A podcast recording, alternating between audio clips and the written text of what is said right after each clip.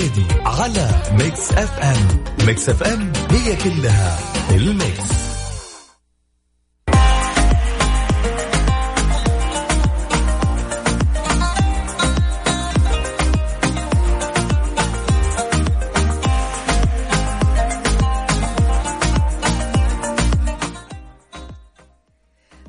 الله الرحمن الرحيم. السلام عليكم ورحمة الله وبركاته. مساكم الله بالخير. مستمعينا على أثير إذاعة Mix FM في برنامج يا ذا الليل.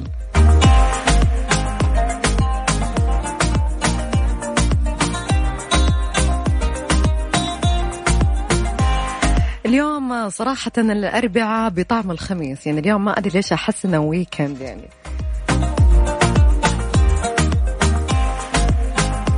يا جماعة اليوم راح نتكلم عن وش أكبر مبلغ دفعته ندمت بعد فترة عليه.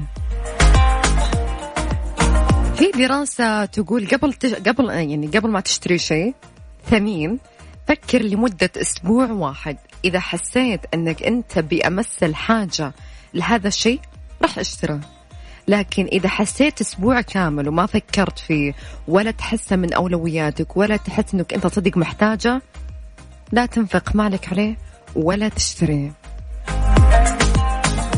أعطوني رأيكم في الموضوع أكيد وأستقبل جميع مشاركاتكم واتصالاتكم ورسائلكم على صفر خمسة أربعة ثمانية, ثمانية واحد, واحد سبعمية. وش أكثر شيء دفعت عليه وبعدها ندمت؟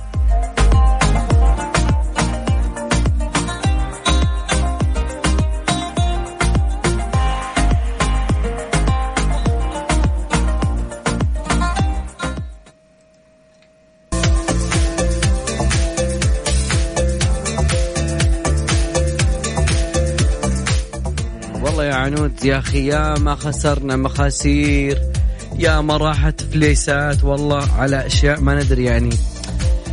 يعني أحيانا تقول أنت في بدايتك شو الفلوس موجودة؟ أعطيني أكبر مبلغ عندك دفعتها على والله شيء. شوفي أنا أنا ما أدري يمكن يمكن يمشي نفس اللي الموضوع الحلقة ولا هو مبلغ تمام؟ طار علي. المبلغ هذا كان لي حجز طيران plus حجز فنادق. زايد التدخلات كلها طارت علي لأنه اكتشفت في الحلقة الأخيرة إنه يلزمني فيزا عاد والله كانت ما هي ما هي رخيصة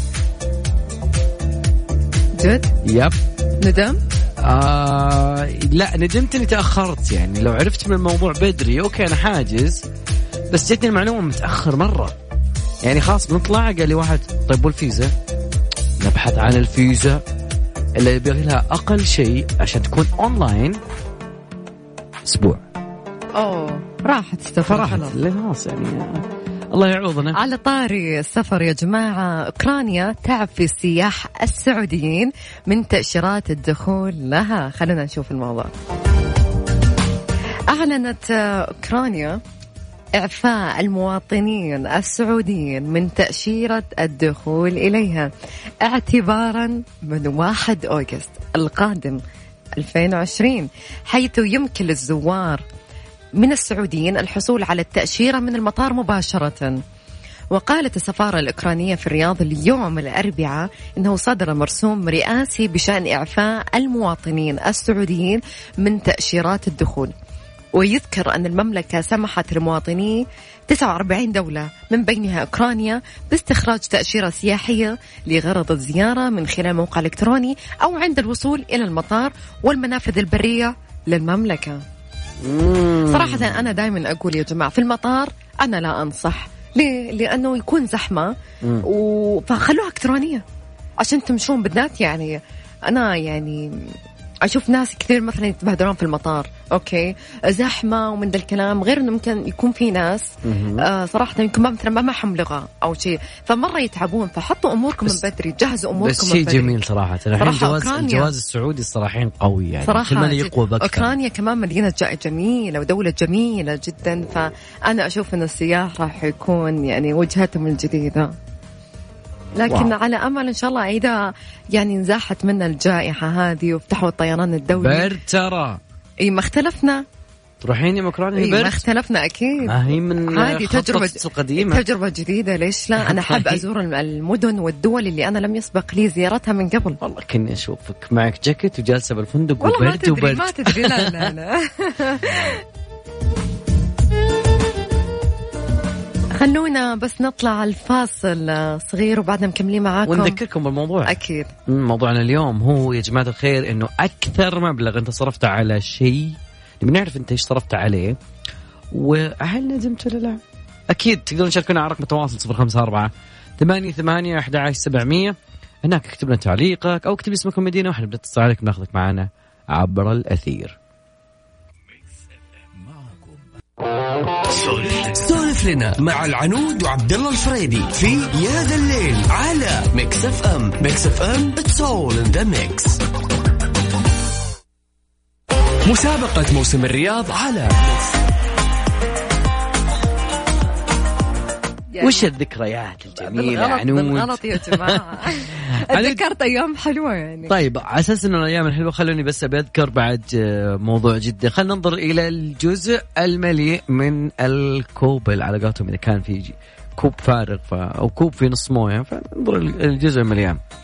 فمجلة يعني نتكلم عن كورونا بس بجانب إيجابي. مجلة The Lancet الطبية تشيد بجهود المملكة في مواجهة كوفيد 19 طبعا المجلة تقول إنه المملكة العربية السعودية في مواجهة آه، فيروس كورونا مستجد كوفيد 19 أشادت بجهودها وقالت المجلة إنه السعودية خصصت ميزانية لا محدودة ورفعت سعة أقسام العناية المركزة وفتحت مئات ما يسمى عيادات الحمى عيادات تطمن عشان وصول مجاني لجميع المرضى الذين ظهرت عليهم أعراض الفيروس، كما أنها تقوم بتزويد العاملين في مجال الرعاية الصحية بجميع المستجدات والتطورات الطبية عبر وسائل الاتصال المرئي ليكون مواكبين باستمرار لأحداث الاكتشافات في العالم بهذا الخصوص، وكانت المجله أيضا سلطت الضوء على الأوضاع العامة لجائحة كورونا حول العالم، طبعا ال- ال- ال- المجلة جابت آه، الولايات المتحدة الأمريكية البرازيل الهند سجلت أكثر من مئة ألف حالة جديدة من 26 يونيو حتى 3 يوليو وقالت أن الجائحة ستنتشر بشكل واسع آه، في روسيا مشكلة مشكلة آه، حزامة في حزمة من العدوى راح تنتقل عبر آسيا الوسطى والشرق الأوسط لكن يعني تقريبا كانت يعني يمكن إن شاء الله تكون وقفت بس الجائحة خلاص الين هنا وقف. المجلة ذا لانست اللي ما يعرفها هي تابعة لدار النشر آه، المرموقة واحدة من أعرق المجلات الطبية المتخصصة وارقاها في العالم فشيء جميل صراحة إنه يشاد بهذه الجهود اللي أنا فعليا يوميا أحيانا أكون في يد الليل أجيب لكم من أهم المصادر اللي توفر لنا دائما وزارة الصحة مشكورين. على فكرة على فكرة يعني آه آخر المستجدات في موضوع اللقاحات اللي كل يعرف إنه في عندك شركتين اللي هم أسترازينيكا بفايزر وموديرنا دخلت معاهم في الخط أساس ترامب دخلها أوكي فالبرامج اللي سجلوها حاليا تقريبا لقوا نجاح ملحوظ في توليد الاستجابة المناعية للناس اللي تطوعوا في الاختبارات البشرية المبكرة. طبعا الباحثون قالوا كل برنامج نصفه بأنه آمن مقبول بشكل عام ويدعم المزيد من اختبارات لكل جرعة. فتقريبا بانتهاء هذه التجارب وفقا للعديد من الوكالات وكذلك أيضا منظمة الصحة العالمية آه، أول لقاح في العالم يكمل التجارب البشرية راح يكون قريب جدا جدا جدا. برضو من الأخبار اللي عندنا هو إغلاق مقهى يقوم بإعداد المشروبات الساخنة والباردة بمواد منتهية الصلاحية في يا ساتر. طائف يا ساتر يا ساتر طبعا أمانة مدينة الطائف قامت بإغلاق مقهى معروف جدا وكبير جدا مخالف يقوم بإعداد المشروبات بمواد منتهية صلاحيتها من سنة يعني مو من شهر ولا شهرين. هلا. كما ضبطت ضبطت مواد فاسدة داخل المقهى. وأوضحت الأمان أن ذلك جاء خلال جولة ميدانية قام بها مراقبو الإدارة العامة للأسواق على الأنشطة التجارية بالأسواق ومراكز التسوق. يعني لو إنها منتهية مثلا من يوم يومين نقول مثلا توهم عارفينها. بس من سنة يعني معقولة يعني يعني صحة الناس يا جماعة ترى صحة الناس يعني ويعطيهم العافية اللي اكتشفوا هذا الشيء صراحة. طبعا الديوان الملكي وفاة والدة الأمير نهار بن سعود بن عبد العزيز أصدر الديوان الملكي اليوم الأربعاء بيانا أعلن فيه عن وفاة والدة الأمير نهار بن سعود بن عبد العزيز. انتقلت إلى رحمة الله تعالى والدة صاحب السمو الملكي الأمير نهار بن سعود بن عبد العزيز آل سعود وسيصلى عليها إن شاء الله هو كان اليوم الموافق 1 12 1441 هجري في مدينة الرياض. تغمد الله بواسع رحمته ومغفرته ورضوانه وأسكنها فسيح جناته. سولف لنا مع العنود وعبد الله الفريدي في يا ذا الليل على Mix FM Mix FM it's all in the mix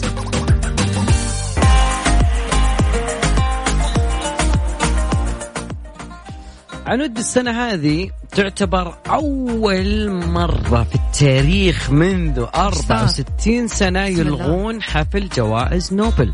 آه okay أنا سمعت عن هذا الخبر. امم فنوبل آه أعلنت يوم الثلاثاء أمس مساء. okay بعد ذا الليل يعني ما لحقنا نقول لكم الخبر.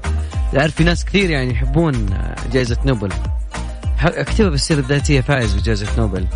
فأول مرة ألغي فيها حفل توزيع الجوائز عام 1956 حفل جوائز نوبل. طبعا مدير مؤسسة نوبل قال في بيان قال أسبوع نوبل لن يكون كما هو عادة بسبب هذا الوباء الحالي. آه يحتاج الجميع فيه يقدم تضحيات والتكيف مع الظروف الجديدة. فالبيان كان يقول إنه إعلان الجوائز دائما يكون في الطب في الفيزياء الكيمياء الأدب السلام ثم الاقتصاد سيظل مقررا بين 5 إلى 12 أكتوبر. طبعا عادة يعقدون مأدبة نوبل الفخمة آه نهاية ما يسمونه أسبوع نوبل في ديسمبر ويدعون كل الفائزين بجائزة آه ال بجائزة ال الجائزة جائزة نوبل. وثلاثة نوبل يفتحون المتحف ويشوفون الناس إيش اللي صار خلال السنوات هذه. لكن السنة هذه قفلوا المتحف على أساس موضوع التباعد الاجتماعي. شغلة جميلة ثانية موضوع اختراع. هل يعني إحنا نعرف إنه في سيارات كهربائية شوي؟ تمام؟ تمام. لكن هل سمعتي عن طيارة كهربائية؟ لا هذا هل هو اختراع ولا خلاص صاروا يستخدمونها ولا هي ما هي طيارة يعني مو طيارة كليا بريطانية يعني كليا بريطانية ما هي كليا كهربائية هي لا شكلها هجينة. شكلها اختراع بريطاني yep هم مخترعون بريطانيين هم اللي قالوا إنه ممكن نسوي طيارة هجينة يعني بتكون مزيج ما بين الكهرباء ووقود الطيارات. لسه ما وصلنا مرحلة إنه خلاص already كهرباء فقط. فراح يطلقون على الطائرة تقريبا فيها 70 مقعد. آه طبعا الطائرات الكهربائية الهجينة الإقليمية تقريبا يصل إجمالي مدى الطائرة إلى 920 ميل. يعني تقريبا لو حسبناها من لندن إلى روما حسب ما يقولون المعلنين. المجموعة والمخترعين في مجموعة اسمها Electric Aviation Group ومقرها بريستول في بريطانيا يقولون التحسينات في تقنية البطاريات ممكن أن تمتد إلى 1381 ميل بعد عام 2030 الهم من ذلك إنه الطيارة اللي تشيل معاها 30 راكب أمر صعب تقريبا إذا صرنا نفكر في بديل الكهرباء بشكل البديل الكهربائي بشكل كامل لأن البطاريات الإضافية يعني أقل عدد من الركاب لأنه يعني في حجم في وزن في أشياء يعني كثيرة. طبعا جمعوا بين الليثيوم وكم حاجة. أنا أقول الكلام هذا لأنه خلال 2020 راح يتفاجئون أنه الطيارة ما راح تكون بريطانية. راح يعني شباب هالوطن إن شاء الله بإذن الله يبون يخترعون لنا طيارة كهربائية ما هي هجينة. لا بيتغلبون على كل العوائق اللي قدام العلماء. إن شاء الله. فيهم أنا جدا متحمس ل المنطقة العربية خصوصا مسبار الأمل أعطاني شوي كذا دفعة إنه فعلا هو أعطانا أمل حرفيا يعني, يعني أنا أشوف دائما رواد الفضاء يمشون وكذا وهذا. فجأة في عندك مسبار مو راح القمر لا المريخ. واو. خلاص. هم كم دولة موجودين؟ آه، دولة الإمارات والفضاء من المؤسسة اللي هناك الفضائية قالوا هذا العرب كامل. خذوا أبحاث خذوا داتا خذوا كل شيء. فالقادم أنا أحس إنه أفضل أكيد. جميل أفضل وأكيد إنه كل الوسائل توفرت لحد عندك. ما لك عذر. طيب يا جماعة اللي الأهالي اللي عندهم أطفال صغار يعني من سن ثلاث سنوات إلى ست سنوات خليكم معي وركزوا معي مرة زين بالذات للأمهات. أطلقت وزارة التعليم تطبيق الروضة الافتراضية. هو تطبيق موجود. طبعا هو إلكتروني لتعليم الأطفال في مرحلة الروضة. عن بعد طبعا تقدم خلال الوزارة جميع الخدمات التعليمية للأطفال بهدف تنمية قدراتهم ومهاراتهم عبر التعليم الممتع. ويسمح التطبيق الذي تقدمه الوزارة مجانا بإضافة خمس أبناء كحد أقصى. للأطفال ما بين سن ثلاث سنوات إلى ست سنوات ويسعى لتخفيف الوقت والجهد لأولياء الأمور عبر الاستفادة من التقنيات لجعل التعليم في متناول الأطفال في أي وقت وفي أي مكان. طبعا يوفر تطبيق الروضة الافتراضية 11 محتوى وعنصرا تعليميا وضعت وفق معايير التعليم المبكر المعتمدة في المملكة مثل معيار التربية الإسلامية ونهج التعليم والعمليات المعرفية والصحة والتطور البدني والمعيار العاطفي الاجتماعي بالإضافة إلى التربية الوطنية والدراسات الاجتماعية والتطور اللغوي في القراءة والكتابة. طبعا يتضمن التطبيق أيضا عددا من الأنشطة التعليمية المتنوعة من بينها قصص تربوية وألعاب تقنية وأنشطة تفاعلية وفيديوهات وأناشيد تعليمية. تتضمن إرشادات ووسائل توعوية لأولياء الأمور لمساعدتهم على المشاركة في الدعم تعليم أطفالهم المهارات التي يجب أن يكتسبوها في مرحلة الروضة وتقييمهم. صراحة مبادرة جميلة وصراحة جدا وبعدين فيها فيها ابتكار يعني كيف ومجانا يعني مجانا ومن يعني من سن ثلاث سنوات إلى ست سنوات. بدل ما أنتم جلسينهم على ببجي وعلى مدري شنو. الطفل أطفال ببجي كيف عمرهم ست سنين؟ ست سنين؟ أنت ما تعرف ست سنين ذولي تلقينا level مدري كم. ما شاء الله بس إنه جد يعني هذا الشيء يعني يعني مثلا الاهالي لسه ما بدأت دراسه ولا نعرف مثلا متى الوقت المناسب لفتح المدارس والجامعات والأطفال الصغار إذا عندهم وقت فاضي لهذا القد حملي لهم التطبيق علميهم. من جد؟ يعني أتوقع ساعتين في اليوم ما هي بكثير أو حتى ساعة. يعني بتعلمهم أشياء مرة كثير. فوق هذا مجانا. والله من جد. صراحة يعطيهم العافية وزارة التعليم ما قصروا. إلى هنا مستمعينا وصلنا لنهاية ساعتنا الأولى؟ لكن لسه باقي ساعتنا الثانية خليكم معانا. طبعا عنود يا ما أعطينا وما حسبنا عطانا موضوعنا اليوم.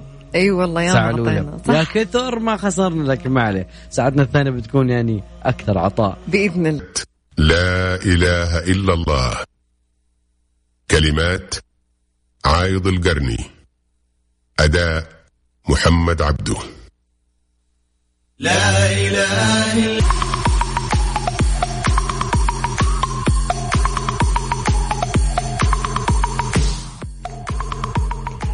مساكم الله بالخير مرة ثانية ولسه مكملين معاكم. طبعا ساعتنا الثانية يا جماعة.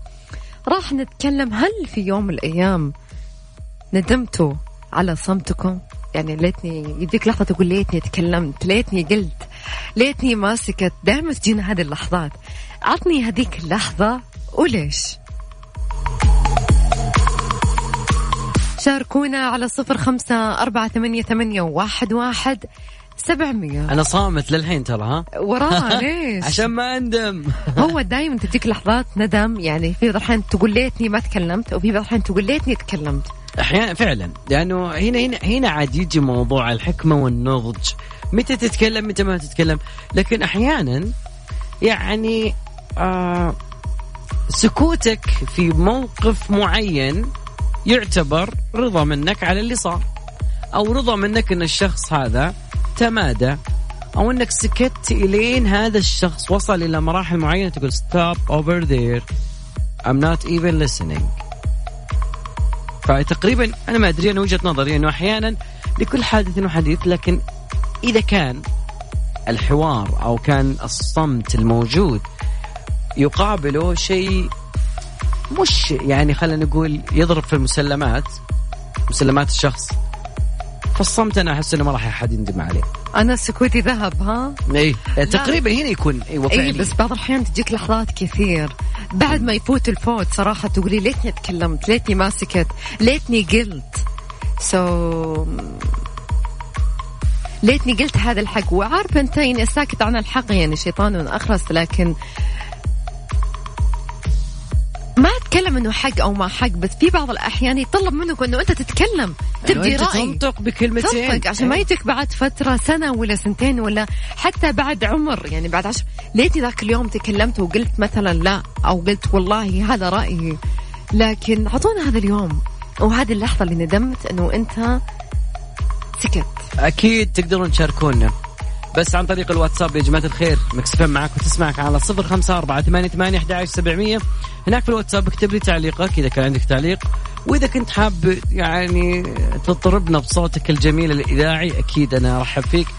بس اكتب لي اسمك والمدينة وأنا اللي بتصل عليك. لا تتصل الواتساب ما يتصل أبدا ولا ترسل voice note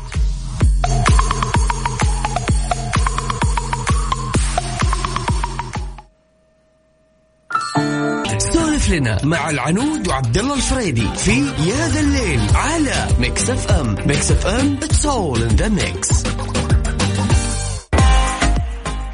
يقول لم أندم لأنني مرارا صمت لكن ندمت مرارا لأني تكلمت لكن اليوم نختلف أو نتفق سلطان مساك الله بالخير. هذا على خمسة زين هلا مسا النور هلا سلطان تعبي 95 لا والله قاعد أدور السيارة طال عمرك طيب خليني أسألك اليوم سلطان قد أول شيء من وين تكلمنا؟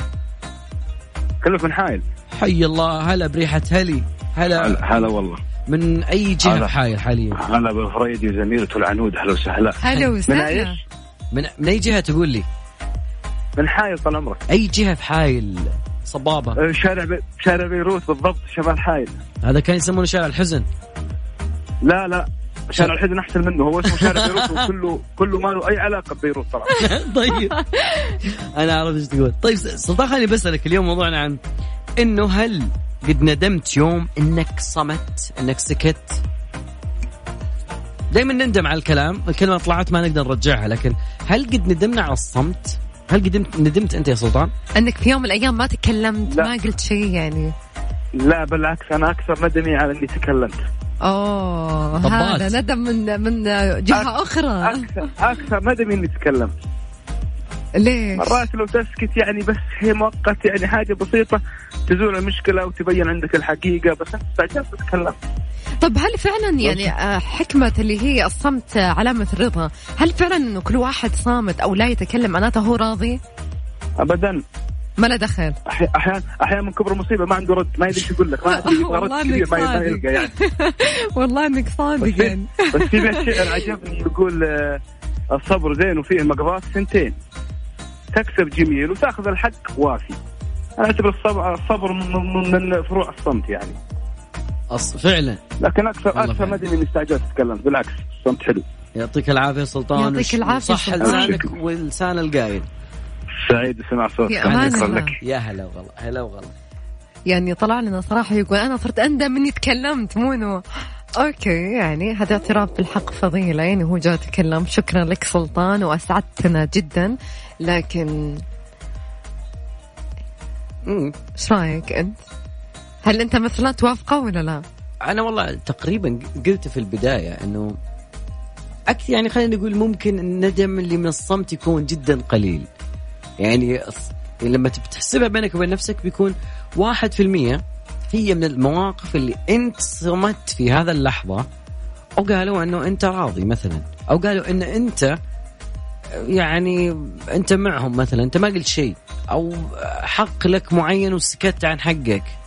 فاحيانا السكوت في هالأمور هذه أنت سكت عن حقك وراحت الدنيا وخلصت وأنت ما رديت. فأنا يعني مع إنه يمكن واحد في المية انه الصمت أكيد خليني أذكركم رقم التواصل على صفر خمسة أربعة ثمانية ثمانية أحد عشر سبعمية. يا جماعة بعد أخبار الرياضة راح نتكلم عن بناء قصر الملك سعود بمزرعة المحطة بالرياض. راح نتكلم عن تفاصيل القصر وكيف صمم وإيش موجود. كل هذا راح نتكلم فيه لكن بعد أخبار أكيد. تحية لحي المحطه بحايل. آه نورا نورا العدواني انتظرينا أكيد بعد أخبار الرياضية راح تكونين معانا أكيد.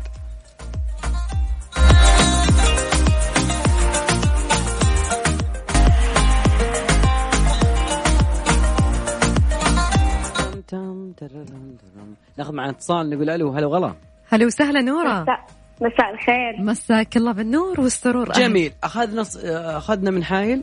الحين ناخذ من الطيف ياس وبعدين آه، يعني صوتنا وصوتكم نرجعنا مرة ثانية. نورا شلونك؟ والله الحمد لله تمام. كيف حالكم؟ الحمد لله بخير. نورا دوم يا رب. وياك. تفضلي. في يوم من الأيام ندمتي إنك سكتي. ما قلتي رأيك. كثير صراحة. ترى أنا إنسانة يعني ما بقول شخصية ضعيفة بس كنت بعض الأحيان شخصية ضعيفة بس من كثر التجارب هي اللي خلتني أقوى. ففي آه، فترات كنت آه، نادم إني أنا سكت. آه، بعض الكلام ينقال من شخص أنت تعزه وتحبه يأثر فيك بس أنت تظهر إنه شيء عادي وتسكت ما تقول شيء. فأنا كنت أسوي زي كذا فأثر فيني تأثير جدا سلبي. يعني باختصار نقول يشابه التنمر. فأثر فيني تأثير جدا سلبي فندمت إني أسكت. لأنه في فرق بين إنه لما شخص يقول لك كلمة سيئة أنت متربية أحسن من تربيته ما تقدري تردين عليه بكلمة آه، شيء سيء. فما كانت عندي القدرة والشجاعة اللي أنا أرد. لا لا. م- تأكدي. طيب أوكي. متى أكثر مرة ندمتي؟ قلتي يا الله ليتني متكلمة ليتني ما سكنت. يعني مرة واحدة ندمتي على هذا الإحساس إنه أنت سكتي. أكثر مرة زعلتي على نفسك إنه أنت كنتي ساكتة. أكثر مرة زعلت على نفسي في المدرسة صراحة. يعني أكثر مرة زعلت نفسي إني أنا سكت. إني أنا تعبت نفسي وغلطت على نفسي بسبب إني سكت وما رديت. نورة كم عمرك؟ آه عمري 17 ما شاء الله العمر كله. تاكدي يا وياك. تاكدي يا نورة إنه في مقولة للعظماء يقولون إنه تأكد أن صمتي ليس ضعفا ولكن ارتقاء. صمتي لم قوة صح. صمتي أيوة، قوة ولكن- بعض الأحيان. بس الشخص يستغلك. إذا شافك أنت ساكت آه نقول يتمادى. ما ما ما, ي- ما يوقف بالعكس يتمادى. هنا عاد يجي موضوع الحكمة والنضج إنك تشوف متى الوقت إنك تقول ستوب نقطة من آخر السطر لا تكل يعني لا تكمل في الموضوع هذا. أساس المرة الجاية لما يجي يتذكر الموقف خلاص يتذكر إنه كان في ردة فعل. بغض النظر عقله الباطني يقول الموضوع طويل عريض يا نورة ما أقدر أشرحه يعني في في- بعجاله نورة يعطيك العافية على. على الله. يعافيك. شكرا لك. هذا والله. مقولة جميلة تقول العنود يقول تأكد أن صمتي ليس ضعفا. ولكن ارتقاء لم يدركه عقلك بعد. طبعا هذا العظماء المفكرين اللي أحيانا يقولون أنه فعليا أنه الصمت يعني شيء جدا مناسب. آه كثيرين يندمون على يعني ال- الكلام أكثر من الصمت. يعني لو لو سوينا نسبة وتناسب أو تصويت. تمام. نقول هل ندمت على صمتك ولا هل ندمت على كلامك؟ الكلام. بيجي الكلام. الكلام الكلام. قال أنا أنا صمتي ذهب. أنا سكوتي ذهب. سكوتي صمتي اللي هو نفس يا جماعة التعبير. يا جماعة إحنا تكلمنا قبل الأخبار الرياضية قلنا راح نتكلم عن قصر الملك سعود. خلونا نشوف إيش قالوا. دار الملك عبد العزيز.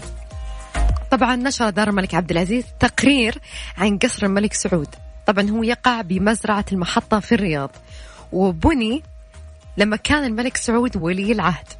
بمواصفات كانت فريدة من نوعها في وقت بنائه. طبعا قال الباحث محمد الحوطي إن القصر يؤرخ في فترة مهمة في تاريخ العمارة السعودية ويقع في الضفة الغربية من وادي حنيفة. داخل القصر نخل الملك عبد العزيز المعروف بالمحطة وكان يزوره الملك المؤسس ويقيم فيه بعض الوقت خلال فصل الصيف. وأضافوا أن القصر عمره أكثر من سبعين سنة يعني أكثر وأكثر. طبعا هو موجود فيه نخل نخيل عفوا بكمية هائلة وأشجار فواكه وبني بالحجر والإسمنت على طراز رفيع جدا من الفخامة المتناهية وله واجهة زجاجية وما زال متماسكا وجميل الشكل حتى الآن. يا جماعة تخيلوا ما شاء الله له أكثر من سبعين سنة ولين الحين شكله جميل جدا.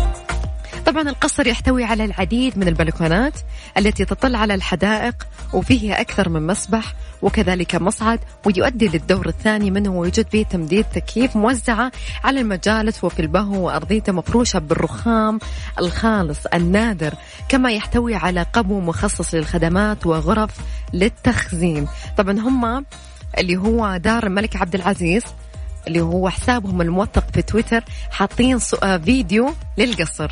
أنا صراحة أي واحد متحمس إنه يشوف الشكل يدخل على ال account حقهم اللي هو دار الملك عبد العزيز وحاطين فيديو كامل لقصر الملك سعود قبل 70 أنا سنة. أنا تعجبني الأشياء اللي زي كذا أنا ترى جدا. الأماكن تتكلم عن تاريخها عن عن أنا ممكن عشاني أنا مرة أحب الأشياء التراثية واللي تبقى يعني فهذا شيء إني احسه يميز عن غيره يعني دائما أقول old is gold يعني مهما كان الواحد مر عليه فترة طويلة كل ما صار له قيمة أكبر وأكبر.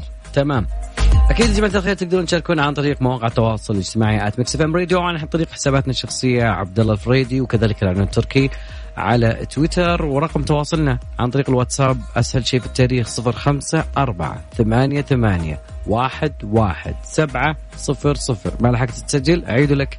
سجلوا عندك دائما اكتب Mix FM واتس صفر خمسة أربعة ثمانية ثمانية واحد واحد سبعة صفر صفر. أنا صراحة أفضل انه هم يعملوا له ال save ويخلونه عندهم بدال إنه كل مرة سجل عنده. هذا الليل. خلونا نطلع الفاصل قصير بعد مكملين معكم. سولف لنا مع العنود وعبد الله الفريدي في يا ذا الليل على Mix FM. Mix FM it's all in the mix